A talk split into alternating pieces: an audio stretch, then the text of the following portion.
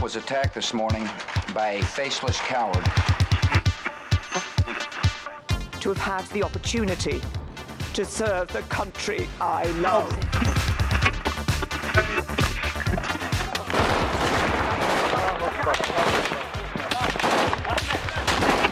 Den Einsatz für Frieden und Freiheit in Deutschland, in Europa und in der Welt.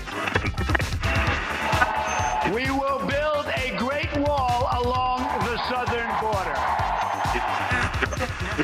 beg you, please do not fail on this.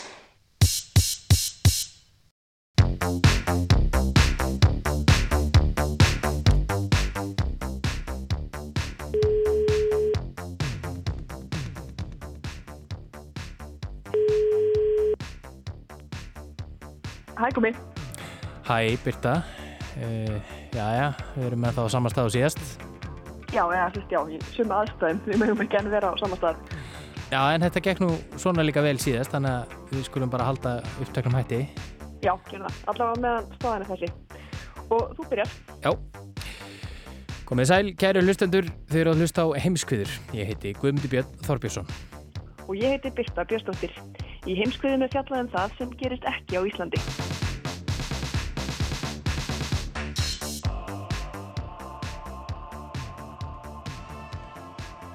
Gerist ekki á Íslandi, já, það er reyndar svoleiðis núna að það er það sama að gerast um allan heim, bæði hér heima og heima. Já, og þó aðstæður og aðgerðir í hverju landi séu ólíkar, þá eru allar þjóðir heims að takast á við útbreyðslu COVID-19. Já, sko það er meirinn þriðjungum mannkinn sem þeim þrýr miljardar stæði núna einhvers konar útgöngubanni frá stjórnvöldum í heimalandinu og það er einhvern veginn ekki um neitt annað talað eða fjallað neinstöðar, kannski eðlilega.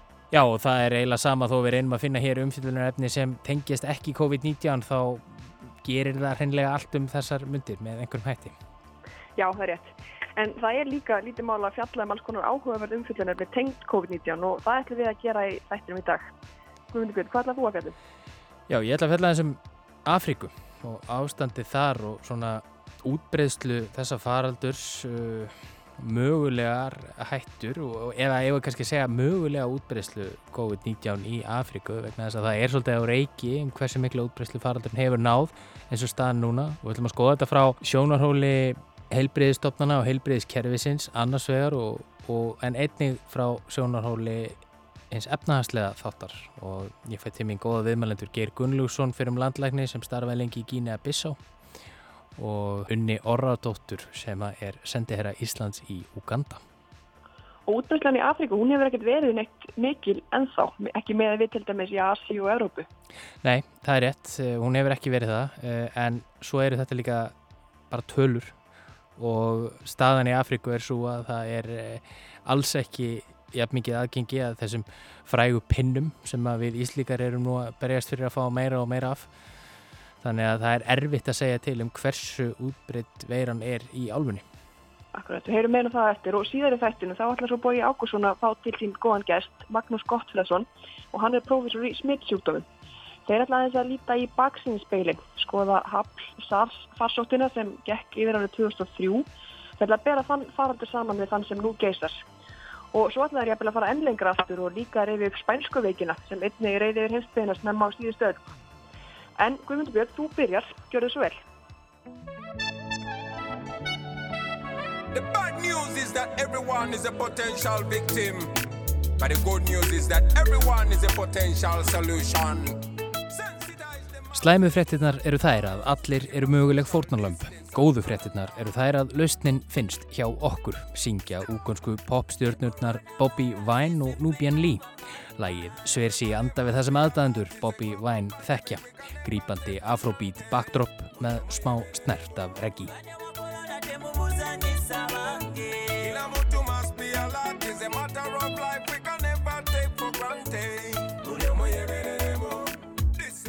Koronaveiran er að herja á mannkynið. Þetta er heims faraldur sem ekki má taka sem sjálfsögðum hlut syngja þeir enn fremur.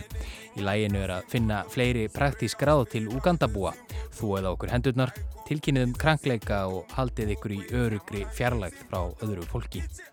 Bobby Vine hefur oft notað tónlist sína til þess að vekja aðtikli á henn mýmsu samfélagsmálum og oft var þörf en nú er nöðsinn. Koronaveiran er komin til Afríku, heimsálfu sem telur yfir 50 lönd frá Alsýr, Marokko, Túnis og Líbíu í norðri, allt til síðsta 8 söður Afríku. Afríka er heimkynni 1,3 miljardar manna, 16% alls mannkins sem búa á þessum 30 miljónum ferkilometra. Fá svæði heimsins hafa orðið jafn illa fyrir barðinu á faraldrum og farsóttum eins og Afrika, ebola, kólera, malaria og svo mætti lengi telja. Ofan á það er Afrika vanþróaðasti og fátakasti heimsluti jarðarinnar sem áhafa herjað hungusneiðir, fátakt og styrjaldir.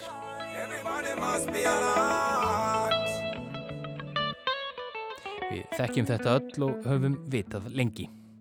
En hvaða afleðingar mun koronaveiran hafa á þessa hrjáðu álfu? Um það eru skiptar skoðanir, einungis hafa greinst um 3000 smiti í álfunni. Er það til marg sem að veiran nái ekki mikilli útbreyslu í álfunni? Eða eru kannski miklu, miklu fleiri smitaðir en við vitum? hvaða áhrif mun faraldur af þessu tægi hafa á heilbriðiskerfi ríkja í álfunni og hverjar verða efnahagslegu og samfélagslegu afleðingarnar. Ég fæ til mín góða gesti til að svara þessum spurningum. Ég heiti Geir Gunnlaugsson, ég er barnalagnir og profesor í nættarætti helsu við Háskóla Íslands Að loknu læknanámi á Íslandi helt Geir til Gíniu Bissá árið 1982 og starfaði þar sem læknir í þrjú ár. Því næst fór hann í doktorsnámi í Stokkólmi en snýri aftur til Gíniu Bissá á upphafi tíunda áratörins og starfaði þar í fimm ár. Og ennþá er ég í tengslum við landið og vinn mikið með eh, fólki á vettfangi meðal annars eh, verkefnum um heils og velíðan ungmenna svo dæmis í tekið. Geir er öllum hnútum kunnugur hvað við kemur heilbreyðismálum í álfunni og hann ætlar að segja okkur frá því hvaða áhrif útbreyðsla faraldursins í álfunni gæti haft í för með sér. En svo eru það efnahagslegu og samfélagslegu áhrifin sem slíkur faraldur kann að hafa í för með sér. Við ræðum við sendiherra Íslands í Uganda um þau mál. Ég heiti Unnur Orradóttir Ramett og ég er búin að vera í Uganda síðan í ágúst 2018. Unnur er stödd hér á landi og alls óvist hvenar hún kemst út aftur, en það hefur Uganda lokað á allt alþjóðaflug til og frá landinu. Mikil óvisa er í landinu, óvisa sem finnst víða um álfuna. Að sagn unnar er það ekki síst vegna mísvísandi frettaflutnings í álfunni þegar veiran fór að dreifa sér um heimsbyðina uppspruttu falsfrettir þar sem fyrir var meðlans haldið fram að veiran er þið ekki vandamál fyrir Afríku. Svartir væru ónæmir fyrir COVID-19 og fleira í þeimdúr. Það er náttúrulega svo mikið spurningum að upplýsa almenning um, um veiruna og hvernig það hafa sér og hvað það er að passa sér og það er ekkert auðvilt að ná til alls almennings í Afríku. Það getur nefnilega verið ansi snúið og því gegna tónlistamenn á borðið Bobby Vine og samlanda þeirra í Jehovah Shalom a Capella ábyrrafullu hluturki í því að vekja aðtegli á því að koronaviruna COVID-19 beri að taka alvarlega. Very contagious, very contagious, let us be very careful.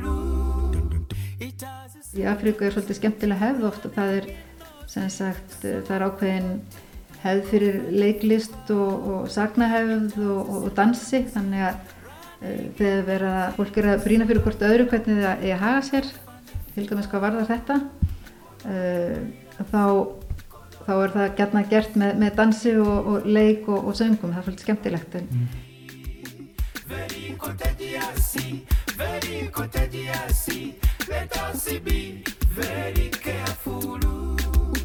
Avoid the handshake, avoid the hugging, avoid the kissing og það er því fyrst og fremst í nafni góðra og réttra upplýsinga sem þessi gladlega tónlist fær að heyrast í umfjöllunum annars há alvarlegt mál. Wash your hands, your fingers sanitizer Áður en við fjöllum um útbreyslu COVID-19 í Afríku er verðt að minnast þess að engin heimsálfa hefur þurft að takast á við faraldra og farsóttir eins og Afríka á síðustu árum og áratugum. Þar á meðal Gínea Bissá, eitt af minnstu löndum álfunar. Landið er á vesturströnda Afríku og þar búa einugist 2 miljónir íbúa. Þegar Geir Gunnlaugsson snýri aftur til Gínu Bissá að loknu doktorsnámi í upphafi tíunda áratugurins starfaði hann við helbriðistjónustu í Biombo héradi, litlu héradi utan við höfuðborgina Bissá. Og við vorum þar eh, cirka 30 helbriðstarfsmenn á sjö helsugjastlustöðum og, og þremur helbriðstofnum sem voru reknar af trúfjálfum, katolsku kirkjunni og, og ennsku mótmælundum.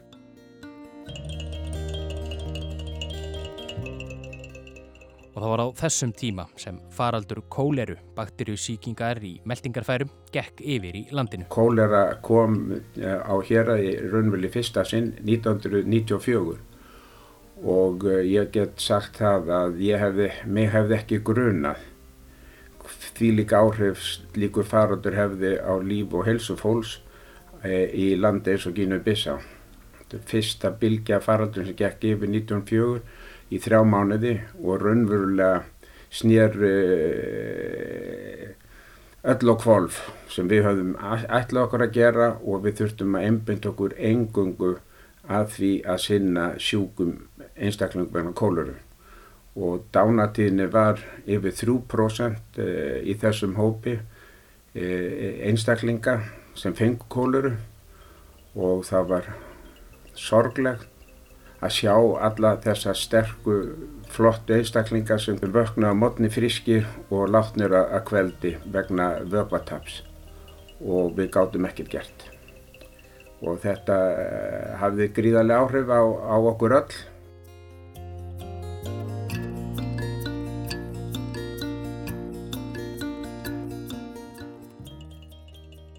Árin 1996 og 1997 reið svo annar kóleru faraldur yfir landið. Hann var ennþá harkalegri og eiginlega er eiginlega ekki hægt að lýsa því hvað eh, slík átök taka mikla orgu frá öllum starfsmönnum. Bæði faglega en ekki síður eh, tilfinningarlega.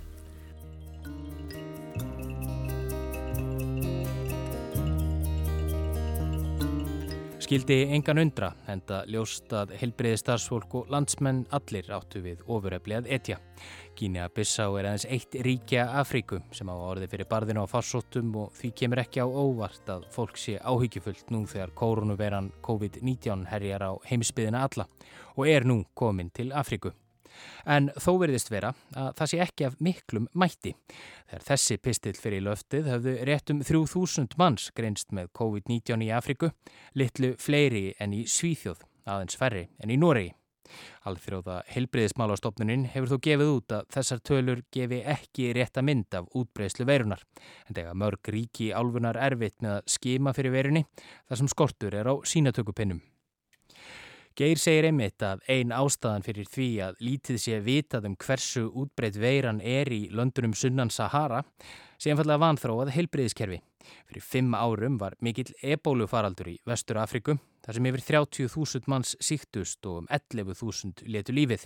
Á þeim tíma voru aðeins tvær rannsóknarstofur í sunnanverðri Afriku, sunnan Sahara, sem gáttu greint ebólu og það var eitt lærdumrun af ebólu. Var það að ebólufarninu 2014 var sá að það yrði að ebla alla vinnu varðandi vöktuna á, á smittsjúdómum og greiningu smittsjúdóma og uh, það hefur leitt meðal annars til þess að það er búið að stopna uh, ný, ný, nýja einingu sem er með aðsettir í höfuborg Eþjópi, Addis Ababa, sem heitir African Center for Disease Control and Prevention. Þannig að í dag voru þegar að uh, heimsfaraldu koronavirunar byrja þá var hægt að virkja hóp víða um Afríku til þess að, sinna forvörnum og sinna greiningu og samkvæmt því sem ég hef best veit í dag að þá er búið að dreifa yfir, yfir e, þá er búið að dreifa gre, svona greiningar e, tækjum til, e, til notkunnar e, vegna koruna í yfir 40 til yfir 40 landa í Sunna Sahara. Geir segir að almennt séu helbriðiskerfi nær allra landana í Afríku mjög veikburða en þar sem ebólu faraldurinn geysaði í Vesturafriku létust hundruð helbriðistarsmanna. Áhersla var þá lögð á að styrkja innviðina og ebla helbriðistjónustuna í kjölfarið. En ebóla var ekki eina vandamálið. Þessi heilbyrðiðþjónusta sem er ofta mjög veikburða, hún er líka kljást við aðra faraldra og þá sérstaklega eins og til dæmis e, mislingafaraldur sem e, faraldra sem hafa komið reglulega og, og, og valdi miklu musla í löndum eins og, eins og í Gínu Bissa og e, löndum víðum álfuna og það er í því samhengi má nefna á að það er síðastliða ár voru voru týjur þúsunda barna sem létust í, í, í Kongo vegna mislinga.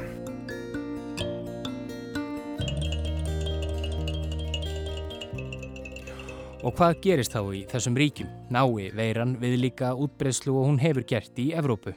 Sem við vitum auðvitað ekki ennþá. Veiran hefur ekki ennþá farið á flug þótt fjöldi smitaðra hækki með hverri klukkustund. En svo eru það ruðningsáhrifin sem koma í ljós. Í slíkum aðstæðum getur allt farið á kvolf. Það rugglast all, all skipilegt heilbyrðistarf. E, menn menn forðast nánast að fara á heilsugjastöðvar eins og var hjá okkur. Menn e, kom ekki með börnum sín til að láta á bólusýtu. Konur kom ekki þunga til að láta að skoða, skoða e, framgang þungunar og svo framvið. Það er einmitt á heilsugjastlustöðum þar sem fólk getur fengið einhverja raunverulega fyrstu hjálp, til dæmis við hita, beinverkjum, höfuðverkjum og öðru sem fylgir koronaveirunni. Og svo þarf auðvitað að fara á heilsugjastlustöðar til að fá bólusetningu, meðal annars við mislingum sem Geir nefndi hér áðan. Það sem ruðningsáhrifin felast á fyrst og fremst í því að önnur starfsemi fellur niður og það er meðal annars vegna þess að starfsfólk heilsugjastlunar er fámenn og það eru fáir á vettfangi sem geta synt þessar og það er erfitt á vettfangi að skipta upp hérna, þú fer hérna, hérna eru bólusetningar og hérna eru þeir sem eru veikir. Vegna þess að það er bara aðstæðir eru þess eðlis að fólk hefur uh, svona, já, það forðast það að fara, ef ég er frískur þá fer ég ekki þanga það sem veikin er. Þannig að uh, það er mjög líklegt að uh, þetta geti leitt til þess að það verði að bólefni bólusetninga til dæmis ungra barna og þá er ég nú sérstaklega hugsa með svo uh, mislinga og uh, að því þeir eru hættulegir að þá geta með fengið kannski mislingafaraldur í, í, í kjölfæri og þá þegar að bara á næsta ári.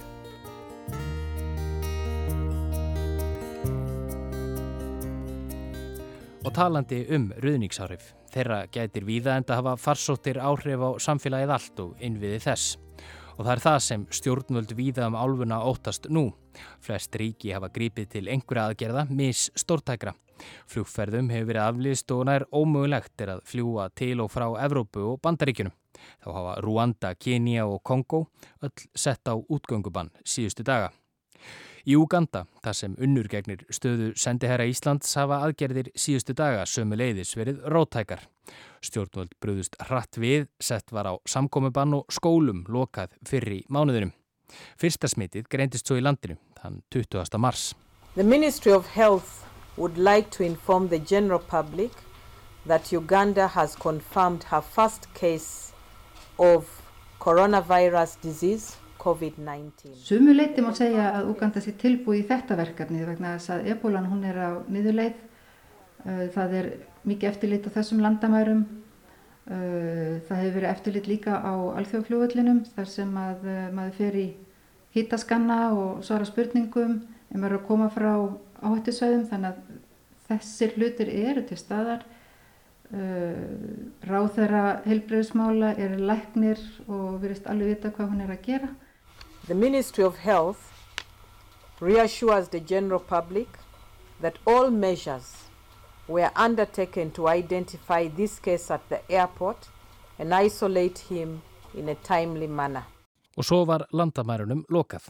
Ekki bara alþjóðaflugvellinum, heldur öllum vegum inn og út úr landinu. En þetta verður mjög erfitt því að eh, landamærin eru mjög opinn eins og við veitum þá er þetta mörguleiti tilbúin landamæri sem að verði ekkert endilega uh, þjóðflokk og annað, þetta eru jæfnvel sem er fjölskyldið þess að búa á landamærunum og Þetta gæti nefnilega orðið vandamál. Landamærnað Suður Sútan hafa til að mynda verið opinn fyrir flóttamönnum hingað til en 1,3 miljónir flóttamanna eru í Uganda og koma þeir mest megnis frá Suður Sútan þarna er mikil hætta og uh, því það berast engar upplýsingar frá sögu sútan, það veit enginn uh, hversu margir eru smitaðir þar og þar, þessar upplýsingar mun ekki berast þaðan. Nú er búið að loka landleiðinni, það er sem sagt ekki hægt að keira yfir landamærin en það er enþá hægt að ganga yfir þau. En þau eru þau gríðar stór og engin leið að loka þeim algjörlega. Þannig að uh, það er viðbúið að smittin sem miklu, miklu fleiri heldur en þessar tölur gefa nokkuð tíma til kynna og það eru miklar áhyggjur af flótamannabúðinu sérstaklega. Staðamála í Uganda breytist dag frá degi eins og síðar verður vikið að í pislinum.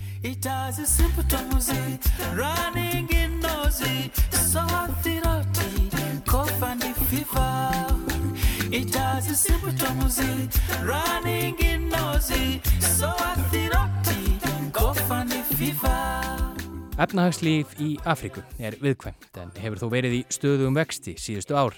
Ljóst er að áhrif faraldursins munu verða mikil á Afrikum, hvort sem hann nær útbreyslu í álfunni eða ekki. Sú þjóð sem stundar hvað mest viðskipti við Afríkuríki er einmitt Kína, þar sem faraldurinn hófst og þar sem faraldurinn hefur haft mikið efnahagslegt tjóni för með sér, þótt hann sé þar í rénun.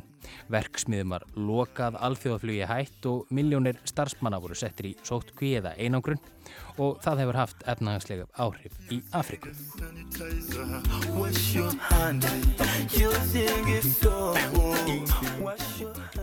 Og svo er það ólíðan. Afrika er mjög háð viðskiptum við uh, Evrópu og Kína og Bandaríkin. Og uh, hlutir eins og verðlækanar og ólju sem að, sem að hafa orði vegna sem sagt óljuverstrís á milli Sáti Araba og, og þarna rússa uh, hefur þegar haft mikil áhrif. Fyrir forvitna má heyra umfjöldun heimskviðna í síðasta þætti um akkurat það mál. Og svo er, svo er þessi alva líka mjög háð innflutningi og, og þegar að vera að loka verksmiðum og vinnustöðum smá saman hér og þar þá hefur það líka slæm áhrif. Að sögn unnar hafa flest ríki í Afriku ekki fjárhagslega eða efnahagslega burði til að takast á við þær aðstæður sem nú gætu skapast. Tökum sem dæmi elsniti að þá er, uh, þá er talið að samdráttur í útflutnistekjum fyrir ólíu geti orðið alltaf 100 miljardum bandaríkjadala. Þau ríki álfunar sem flytja hvað mest út af ólíu eru Nígeríu, Alsýr og Angóla. Í Nígeríu er talið að tap þjóðarbúsins vegna faraldursins geti verið eitt og sér alltaf 20 miljardar bandaríkjadólara. Þá mun ferðarþjónustan sem eru vaksið mikið undanferðin ári í löndum eins og Kenia, Suður Afriku, Botswana og Uganda verða fyrir höggi en hún er svo atvinnugrein sem skapar mestar gældiristekjur í mörgum löndum. Þá eru mörg Afrikuríki einnig háð löndum utan álfunar þegar kemur að matvælum en tveir þriðji hlutar Afrikuríkja flytja inn meira af matvælum heldur en þau flytja út. Þannig að það talið að, að það getur hérna orðið skortur á matvælum og, og, og, þarna, og minna matvæla öryggi. Afrika er uh, háð viðskiptum við aðrar alfur, lönd utan alfunar og þurfu jæfnvel að flytja uh, uh, inn vöru frá öðru Afrikuríki í gegnum aðra alfu.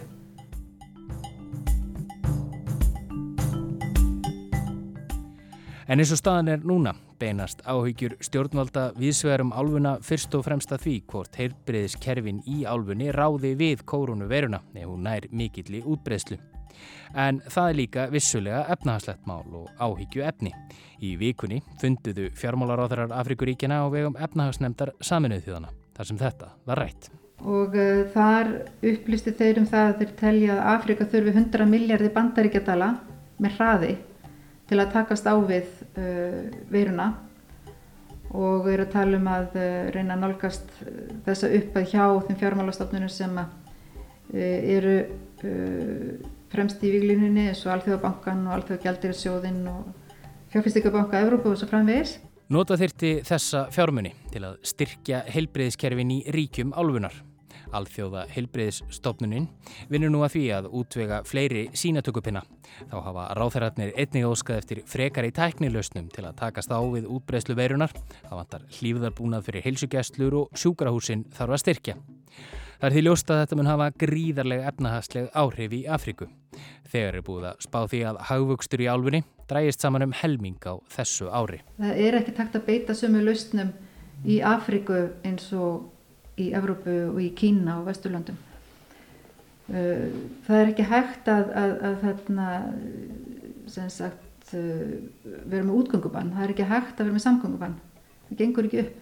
Því fólk afla sér tekna daglega til að kaupa sér í matinn fyrir brínustu nöðsinum og ef að þú banna fólki að, að fara út hvað er það að pening hvað á það að borða Þetta er áleitin spurning sem unnur varpar þarna fram. Ég rætti við unni á miðvíkudagskvöld en í gær fekk hún mér þær upplýsingar í hendur að ástandið í Uganda hefði vestnað til muna. Reglur hafa verið hertar, almenningssamgöngur hafa verið bannaðar sem setur allt úr skorðum og sömulegis reglur um sölumarkaði. Lauruglan er búin að výbúast og fólk er óttasleið. Það þarf ekki að koma á óvart kannski, en það lifir meiri hluti fólks í Afriku frá degi til dags, svo að segja. Bannir þú fólki að sinna lífsviðurværi sínu er voðin vís en það er öryggisnett fólks ekki eins gott og vesturlöndum. Í Gínu Bissá, hvar Geir Gunnlússon þekkir vel til, er uppskerutími kasjúnetna á næstu grösum. Komist fólk ekki út á agrana og verði mörkuðum lokað er hætta á ferðum. Þáttaka fólks þar í þeim, þeirru uppskjöru leggur grunn að e, lífsviðurværi þess í heilt ár. Þannig að, að, að við skulum gefa okkur það að það verði ekki faraldur en eftir situr hugsanlega að fólk hefur ekki e, sömu fjárráð og það reiknaði með eða, og það getur leitt til annara vandamála eins og hungusneiðar og, og annara vandamála því tengdu. Það er því að mörgu að huga á þessum óvissu tímum í Afríku. Áhyggjur af heilsu fólks annarsvegar og efnahagslegar þrengingar haldast nefnilega í hendur. Og er þetta tventver saman getur pólitískur óstöðuleiki myndast. Eitthvað sem á sér langa og sásökafulla sögu í ríkjum Afríku. Vesta sviðsmyndin er náttúrulega svo að, að, að faraldurinn fara á stað. Hann veiki, veiki, veiki síki unga sem gamla og, að, og stjórnveld hafi ekki þau tækja tól og ekki það fjármaks sem er nöðsilegt til þess að taka á, á, á faraldrinum. Það geti leitt til eh, harra dánatíðni, hugsanlega, og það er líka getur reytið mikið þjóðfélagslega, samfélagslegs óróleika. Að eh, það getur haft verulega áhrif líka á bara á álfun og þróun hennar á næstu árum ef, ef, ef, ef ég reyna að velta fyrir mig því versta. Stjórnvöld sem eru kannski á einhvern hátt ekki undirbúinn og, og, og standa og, er síðan kentum að það getur valdið mik mikill reyði og uh, það er náttúrulega einn versta sviðsmyndin sem getur komið að það er eh, sagt, mjög öflur og þungur faraldur með miklum, með miklum, skakaf, með miklum skakaföllum og félagslegur óróleiki og vaksandi fátækt og, og, og, og uh, vannæring og önnur vandamál sem tengjast uh, því þegar efnaðskerfi lamast.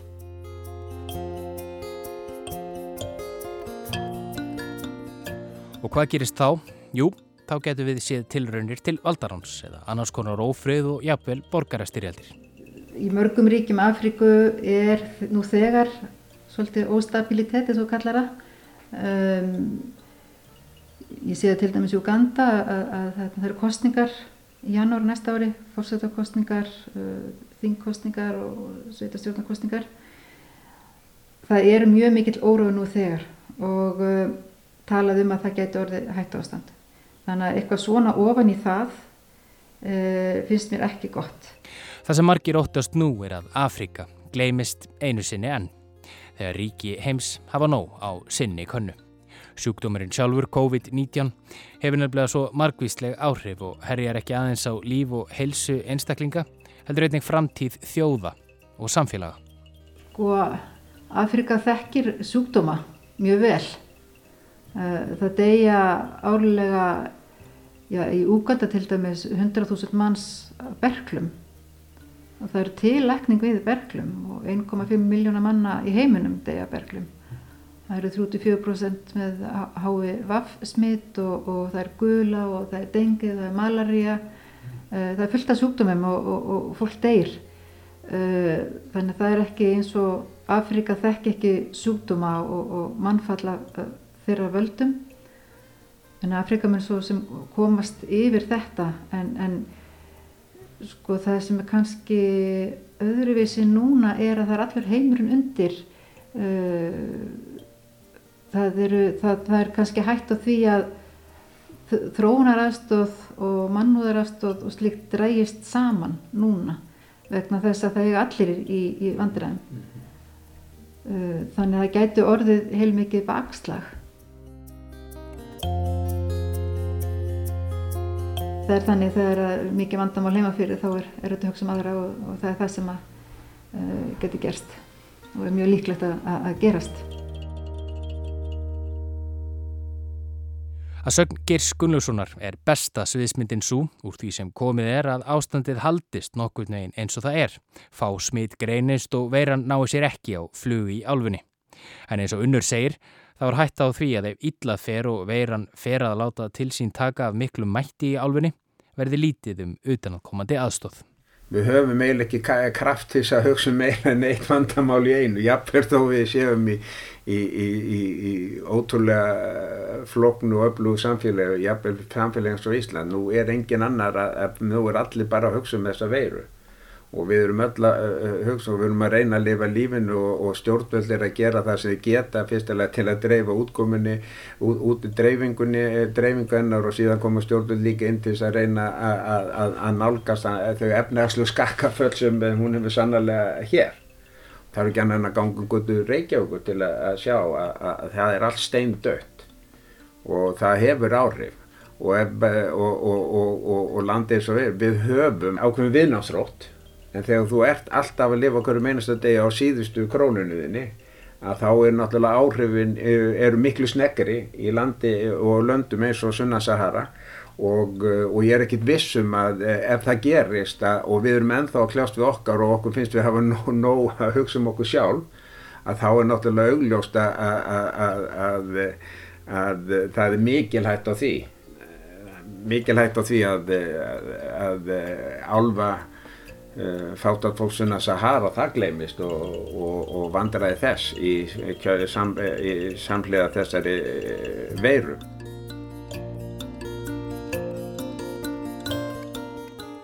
Það skal þó áreittað að enn hafa aðeins greinstum 3000 smitt í Afriku og enn eru vonir bundnar við það að faraldurinn breyðist ekki út í álfunni af þeim ógnar krafti sem hann verðist færum að gera. Faraldur þessarar veiru sem svo lítið er vitaðum. Á meðan þetta óvissu ástand ríkir halda Bóbi Vætt og félagar áfram að brína fyrir samlöndum sínum álfunni og heimsbyðinni allri að taka veiruna alvarlega.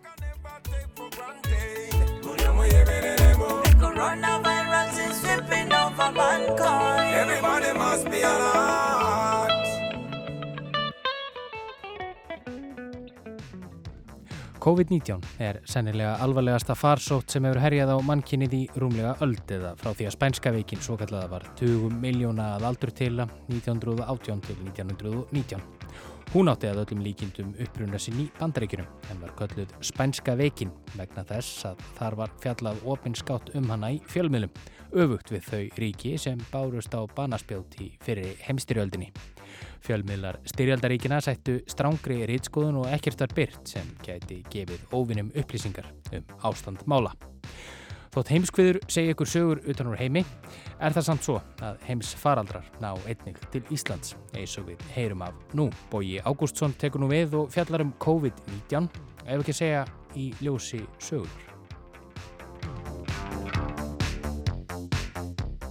Á tímabilinu frá september til november 1918 létust miljónir manna á spænsku veikinni sem var sennilega mannskeiðasta farsótt sögunar. Talið er að 500 miljónir hafi síkst og sennilega meirinn 50 miljónir látist. Ef þessar tölur eru réttar hafa 10% þeirra sem smittuðust dáið. Á Íslandi létust tæplega 500 manns, veikinn var sérlega skæði í Reykjavík þar sem næri 300 dóu. Brynjólu Þór Guðmundsson fréttamaður gerði tvo útvarsþættum spænsku veikina 2018 þegar að 100 ár voru frá því að hún fór sem loki við Akra. Flest hinn að látnu í Reykjavík voru grafin í Hólavallagarði og Brynjólfur rætti meðal annars við heimi Janussarsson um sjónamann Garsins. Það voru 10.000 manns veikir í nógumber. Þannig að þeir sem uh, þegar bara bunkast upp hér lík og þannig að þegar er mennir farnir að hressast að þá er farið að grafa og reyna að koma skikka á hlutinu. Lík er sótt bara í heimahús og flutt í líkhúsið.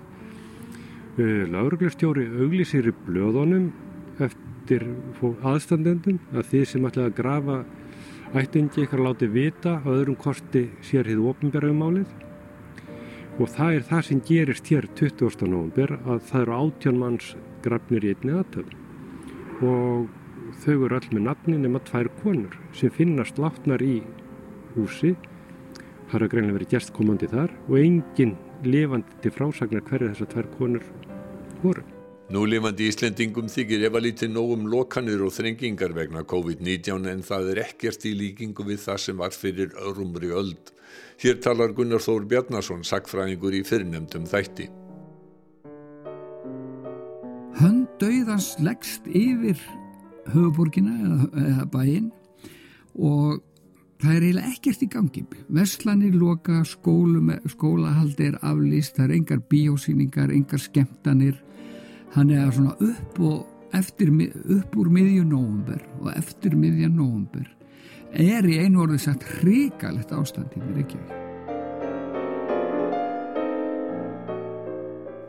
Magnús Gottfredsson, professor í læknisfræði við Háskóla Íslands og sérfræðingur í smittsjúkdómum, segir að það sem hafi gert spænsku veikina svona illskeitta hafi fyrst og fremst verið að veiran sem kom fram við lók fyrir heimstyrjaldar hafi nýlega stokkið á milli tegunda. Erðamengi hennar hafi verið rannsakað um síðustu aldamót. Veiran var í stuttumáli þá var hún endur sköpuð með því að skoða og rannsaka lífsíni úr látnum hermönum og, eh, og frá uh, frumbyggjum Alaska sem hafði verið jærsettir í, í sífræðunum þar og við þurfum einmitt að hafa það hugfast að á þessum tíma 1918 þá vita menn ekki hvað influensu veira er. Uh, veiran er ekki þekkt, hún var ekki uppgötu fyrir löngu, löngu síðar. Þannig að það var ekki hægt að sapna sínum og rannsaka veiruna fyrir löngu síðar.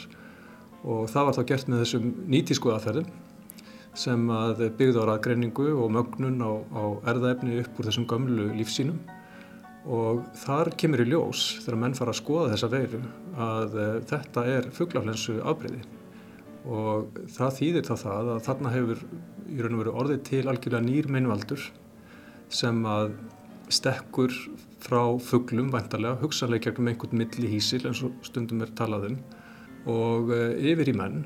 Og það sem að gerist þegar nýr mennvaldur riðst svona inn í nýja tegund er það að, að tegundin sem erum við í þessu tilviki er algjörlega uh, máttvana og varnarlaus uh, gagvart þessum nýja mennvaldi og það er vegna þess að við höfum ekkert ónæmis svar, við höfum engin mótefni og þess vegna verður þessi bylgja yfirleitt mjög þung og, og, og mannslát miklu miklu herri heldur en það sem að menn sjá síðan þeirra fram í sækir og fólk hefur myndað mótefni og, og hugsanlega hefur síkillin líka eitthvað mist svona sínar víktennur.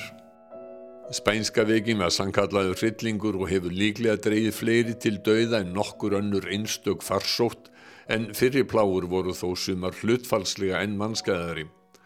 Líklega hefur alltaf þriðjungur Íslendinga dáið í Stórubólu 1707-8 og svarti dauði 1402-4 hefur eftirvill orðið helmingi landsmanna að aldur til að.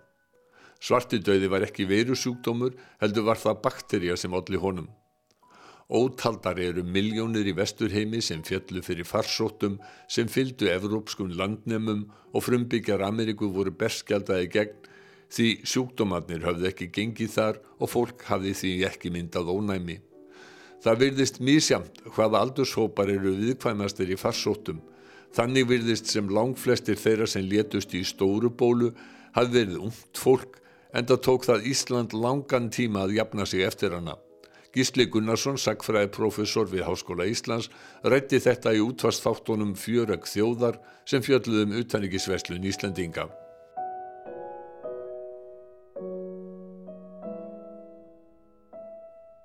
Stóra bóla gekk hér yfir 1707-1708. Það er talið að 25% Íslendinga hafi dáið í stóru bólu. En þetta var ekki hvaða fólk sem var. Þeir sem dóu, aldursgreiningin bendi til þess að það, er, að það hafi svo til allt sem hrundi verið aldrinu svona 20-30 við 35-7 áraldur. Með öðrum árum það fólk sem líklegast var til eignast börn og svo framvegis og framvegis. Það er aðtiklisvert að það tekur 45 ár fyrir Íslandinga að jafna sig eftir bólusúttum í fólkfjöldatalið en hins vegar ekki nema 15 ár að jafna sig eftir móðuharindin sem þá drápu 20% Íslandinga hér með einsmark og bólusúttin.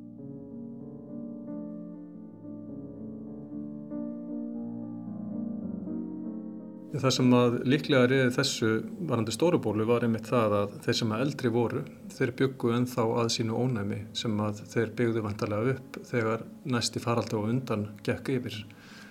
Og um, varðandi dánatíðni eftir aldurshópum í þessari farsótt sem við erum að kljást við núna, að þá er það einmitt ánægulegt mitt í öllum þessum vandamálum og áhyggjum sem allir hafa auðvitað út af, út af þessu að börn skuli komast til til að létti í gegnum þessa, þessa síkingu.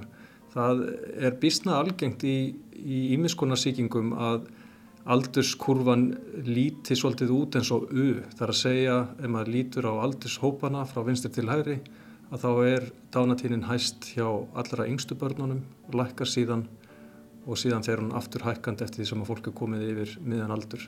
Í þessu tilviki virðist það sem betur fyrir ekki vera þannig og, og hækkar með aldri og við vitum að með hækkandi aldri að þá uh, á fólk í vaksandi mæli uh, við ímiskonar önnur vandamál að stríða eins og háþrýsting, gransaðsjúkdóm, lúnavandamál uh, og ímislegt sem að kallar á livjagjöf og Þetta eru allt saman þættir sem við þurfum að taka tillit til og hafa, hafa lítið áhrif á það hvernig okkur gengur að hreinsa okkur af þessari veru.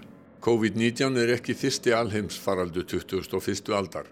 Frá november 2003 fram í júli 2004 gekk farsót skilgreind sem alheimsfaraldur. Alvarleg efnahagskrepp er í uppsikling í Asíu vegna lúnabolgufaraldur sinns mannskæða Óttast er að sjúkdómurinn sé miklu útbreyttar í Kína en yfirvöld þar hafa vilja vera láta. Þetta var úr útvarsfrettum í april árið 2003 og við heyrðum í Ragnæði Ástu Pétursdóttur.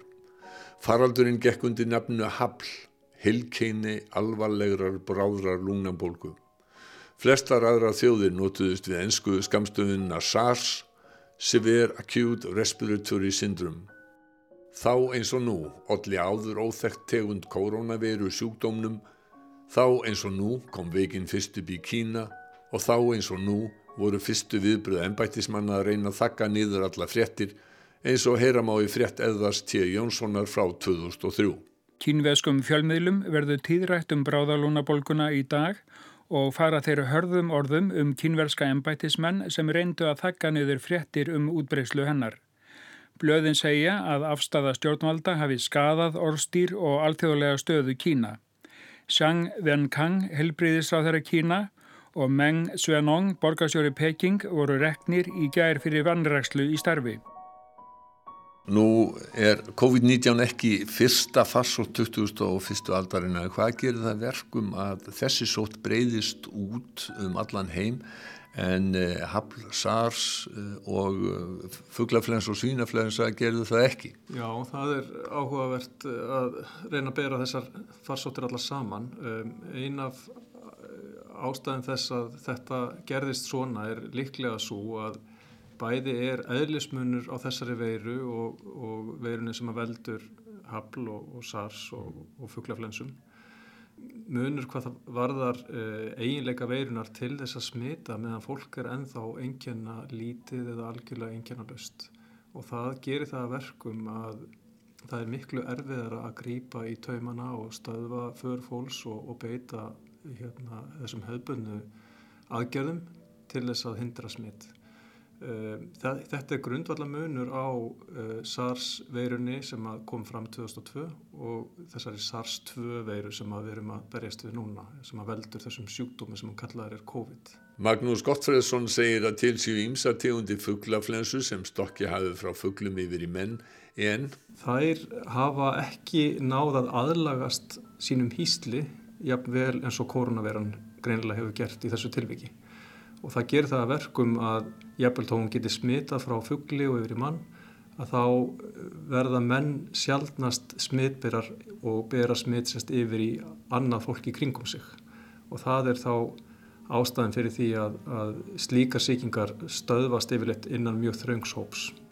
Vísindaminnum allan heimvinnan og baki brotna að því að þróa bóluefni gegn COVID-19.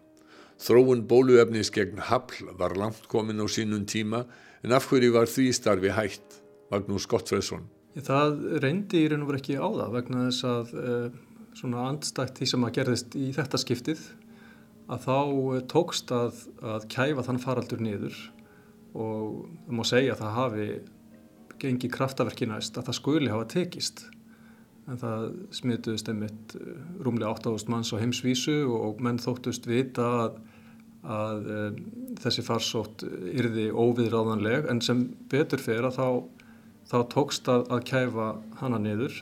En þetta setti af stað uh, margar mikilvæga rannsóknir, prófanir bæð á livjum og bólöfnum sem að hafa síðan nýst sem svona ákveðin grunnur fyrir þá vinnu sem að nú er, er hafinn við að þá að taka upp þráðinn og gera þær breytingar sem að nöðsynlegar eru um, á milli þessar að tveggja veirutegunda en þessar tvær veirutegundur eru eða þessi stopnar eru, eru bísna skildir. Allan Randrup Thomsen, professor við Kaupanarafna háskóla, segir þið sama og Magnús þekking frá fyrir rannsóknum nýtist við þróun bóluefnis núna. Vi kan selvfølgelig godt trække på noget af den viden, vi fik dengang med hensyn til, hvad det er, vi skal lave, når vi laver en vaccine mod et nye coronavirus, fordi man har altså nogle erfaringer fra dyremodeller, som siger noget om, hvordan vi skal gribe det an. Nú þegar hafi verið greint mörg afbriði nýju koronavirunar, ef tekst að finna bóluefni, næði það til allra afbriða virunar sem nú eru þekkt. Vísindamenn hafa venjulega mestan áhuga á þeim hlutum uh, veirunar sem að breytist lítið og það eru þá uh, gerðnan einhvers konar samindir sem eru á yfirborði veirunar sem að verða fyrir valinu. Flest bólöfni gang út af það að, að framkalla ónæmisvar eða eh, mótefnamyndun sem að beinist að þessum mjög svo mikilvægu samyndun sem er á yfirborðinu. Gjarnan samyndir sem að gegna líki hlutverki við að gera veirunni klift að komast inn í frumur og síkja þær. Og það er það sem að nánast allar þessar bólöfna rannsóknir sem að nún standa yfir ganga út af. Það er ákveðið prótein samynd sem að veirunni með sem er mjög vel varðveitt og það eru alveg búið að kortleggja það í smáatriðum eh, nákvæmlega hvernig hún tengist við og við hvaða viðtaka og rannsóknar ganga út á það að framkalla mótefni sem að uh, blokkera eða hindra þessa tengingu. Það er ekkert áhlaupaverk að þróa bóluefni við SARS-CoV-2 koronavirunni. Er eitthvað hægt að segja til um hvernig það tekst? Mjög er þetta svara þessari spurningu. Það er allavega hægt að segja að ímiskunar eh, hraðamitt hafa nú þegar verið slegin í bólefna þróun. Eh, ef við berum okkur saman við eh, hérna, faraldrarna sem að gengu yfir fyrra á þessari öld, bæði haflfaraldurinn og, og, og svínaflensufaraldurinn.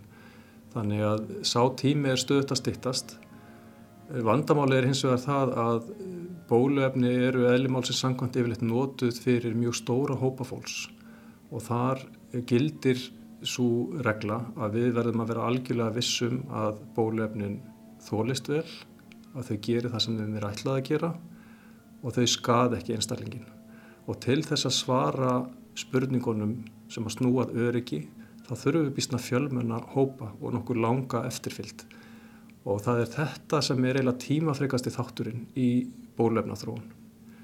Þess vegna er ég ekki mjög bjart sýtna á að við verðum komið með töfralöstni eða mjög vel prófað bólefni innan skams. Ég vona mér skjáttlist en þetta raða takmarkandi skref sem ég var að lýsa, það er erfitt að eiga við það.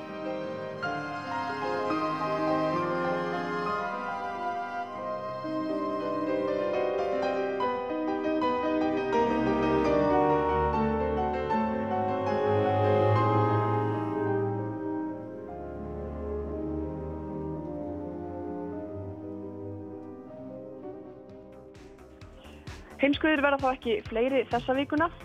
Við minnum á að það er hægt að hlusta á þennan þátt og alla þætti heimskviðna á webnum rúf.is í sarpinum og svo á öllum þessum hlaðvarpsveitum, iTunes og Spotify og hvaða nú allar heita. Akkurat sem er tilvalið þegar nú allir er að hafa hægt um sig og vera heima núna næstu daga og vikur allavega. Já og þá er kannski verðt að hvetja hlustendur til þess að gerast áskrifundur af þættinum á þessum títnefndu hlaðvarpsveitum og svo nú líka byrta hægt að lesa þessar frettarskýringur okkar á netinu. Já, jú, löggrétt. Það er, er það allar á undir síðu á rú.is mertri heimskviðum. Það er hægt að lesa allar frettarskýringarnar alveg, alveg í drep eins og fólk vil. En við þökkum þeim sem hlýtu. Og heyrumst aftur í næstu viku.